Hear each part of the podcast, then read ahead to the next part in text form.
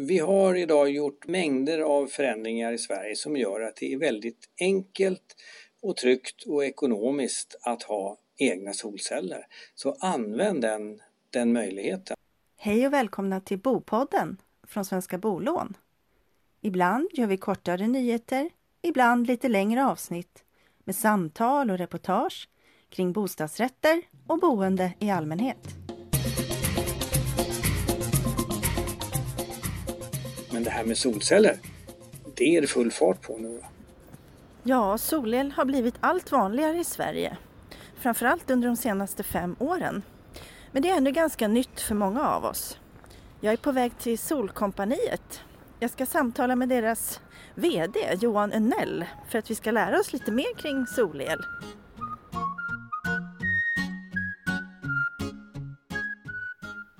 Solkompaniet är ett av flera företag idag som installerar solelsanläggningar till bland annat företag och bostadsrättsföreningar. För att göra det enklare för oss i Sverige att använda solel så är Johan Unell tillsammans med representanter från JM, HSB, Vasakronan och Telge Energi också med i Solelkommissionen.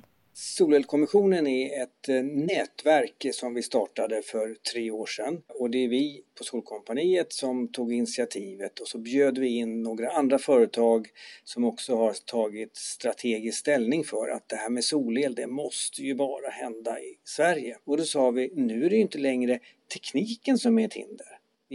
Och det är inte heller att det är för dyrt utan det är för att man inte vet hur man får använda det. Det är därför det inte händer i Sverige.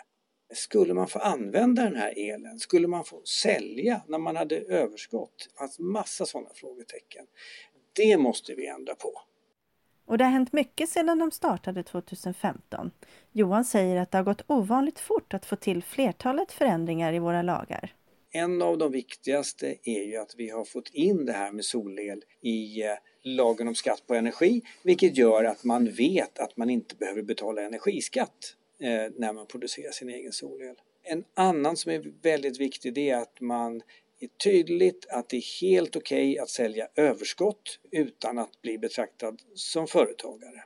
Under soliga dagar då får man också i de allra flesta fall, speciellt om man är MBRF, så får man ett överskott eftersom man inte förbrukar så mycket el på dagarna men man har en mera förbrukning på kvällarna. Och då är det ju vansinnigt viktigt att man får sälja den här elen. Det får man då nu och det går då med automatik så att det är ingen som behöver göra något. Och för mindre BRFer så finns det också ett extra stöd som gör att man får en skattereduktion från staten för de här kilowattimmarna som man säljer ut på nätet. Så att det kan ju bli så kul så att på sommaren då förbrukar man mindre el än man producerar och då får man elräkningar där man får tillbaka pengar på det istället. Det är något helt nytt. Det finns ju också ett statligt investeringsstöd för att installera solelsanläggning. Det höjdes vid årsskiftet för bostadsrättsföreningar och villaägare till 30 procent. Johan tycker att det är väldigt förmånligt, men de är ändå inte riktigt nöjda. Det har varit väldigt bra att ha ett investeringsstöd. Det har gjort att det här har kommit igång i Sverige. Vad vi vill är ju att staten måste ha en plan för hur man fasar ut det här stödet. Då, och det saknas en sån plan idag. För det är ju viktigt att inte bara avslutas över en natt så att säga. Då. Idag är det så då ekonomiskt, eh, klimatsmart och enkelt med att sätta upp solceller att man inte behöver investeringsstödet längre. Och då ska man naturligtvis eh, eh, fasa ut det. Då kanske man istället ska ha det till om man vill få kunder att pröva batterilagring. För det är inte lönsamt idag. Då behöver man ett stöd om man skulle vilja pröva det. 1 juli 2017 försvann det som har kallats för solelskatten. Det var en lag som sa att om man hade byggt många anläggningar och man kom över en viss effektgräns, ja då skulle man betala full energiskatt för den här elen som man producerade själv, även fast man förbrukade den själv. Om du är en BRF som har tio olika tak eh, i din förening så kunde man tidigare kanske bara bygga på två av de taken. Om man byggde på fem av dem, ja då skulle man behöva betala energiskatt. Då. Det var ju väldigt tokigt och det tog man då bort för ett år sedan. Nu då, då. Så det, är, det var ett stort steg framåt. Då.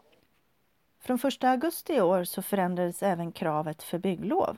Inte för alla fastigheter men för alla eh, tak där man bygger solceller i samma lutning som taket. Där har kravet på bygglov försvunnit. Om man har ett platt tak och ska ha ett system som är upplutat, vilket är, är, är vanligt på större fastigheter, ja då måste man tyvärr fortfarande söka bygglov. Men på alla solelanläggningar som följer takets lutning så behöver man inte längre ha bygglov. Och det snabbar upp det och det sänker kostnaden, för det har man ju fått betala för.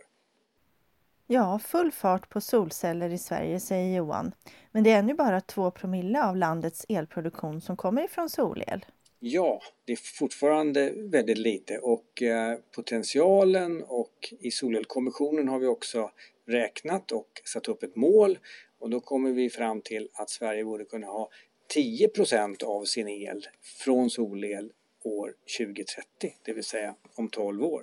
Vi har väldigt mycket tak kan vi konstatera i Sverige. Vi har väldigt bra tak för de är byggda för att klara snö och, bra för att klara stormar och, och andra vi, vi, vi bygger bra tak och det gör att det funkar jättebra att bygga solceller på dem. Då. När man ser på sitt eget hus eller för en BRF så kan man ju oftast producera mellan 20 till 30 procent av den elen som man eh, använder i huset, den kan man producera själv. Så det är ju ett enkelt sätt att sänka sina kostnader och reducera sin klimatpåverkan. Och trots alla fördelar finns ännu inte förutsättning för alla. Solelkommissionen har drivit en viktig fråga för de som bor i lägenhet. För dem så vill vi att man ska kunna bilda en andelsförening som kanske bygger en solelpark eller bygger på någon annans tak så att man kan producera den elen som man förbrukar i lägenheten. Och det gäller ju både de som bor i bostadsrätter och om man bor i hyresrätt. Det blir liksom samma. vi är alla som inte har tak. Och det är över hälften av oss svenskar som inte har några tak. Så därför är det här en jätteviktig fråga. Och vi har ju ett elnät, det är ju inga problem att föra över elen. Det går hur enkelt som helst. Eh, utan det är bara en eh, lagfråga. För så fort som du använder elnätet här, att du producerar elen på ett annat ställe än där du bor, då ska du betala full energiskatt. Även om du inte säljer den eller du gör ju inga affärer, du bara producerar din egen el. Men du gör det ihop. Så det är det förslag som vi driver, att man ska införa en skattereduktion för de som bygger solel tillsammans och de bygger den för att förbruka den själva hemma i lägenheten så att säga. Den frågan är nu utredd och eh, det kan komma förslag eh, förhoppningsvis när som helst för det. Då. Att kostnaderna för solceller har minskat så kraftigt beror främst på ökad tillverkning världen har kommit på och insett att det här med solel är någonting som kan producera en väldig massa energi. Så att det ökar globalt så ökar tillverkningen av solceller jätte, jättefort och det gör att eh, man kan bygga fabrikerna billigare och billigare och billigare och, och det, det har påverkat priserna väldigt, väldigt kraftigt. Det går såklart åt en hel del el vid tillverkningen av själva solcellerna men totalt sett så är vinsterna för miljön stora. Om man då räknar på hur mycket vi producerar i Sverige ur en solcell så tar det ungefär ett och ett halvt år av att vi använder den i Sverige så har den producerat lika mycket kilowattimmar som det behövdes för att tillverka den. Och eftersom de håller i 30 år då, då så att om vi drar upp det där till två år så, så tar det liksom två år att återbetala den energimängd och det utsläpp som var när man tillverkade solcellen. Och sen har man 28 år då eller mer som den bidrar. Då, då. Så att det här med solceller är ju liksom så bra så att om man går tillbaka till, till det här med eh, Parisavtalet som ju inte är så länge sedan så var det ju många då som funderade, är det liksom realistiskt? Är det möjligt att tänka sig att bli av med all den här eh, kol och gasen och oljan. Men genom nu att det har blivit så billigt med solceller så, så är det ju fullt möjligt. Så, att säga. så det är en, eh, en jätteförändring. Vi ser den här i Sverige men den är ju ändå större i länder som Indien och Kina. Där har det ju blivit så att man istället för att bygga ett nytt kolkraftverk så bygger man en stor solelpark.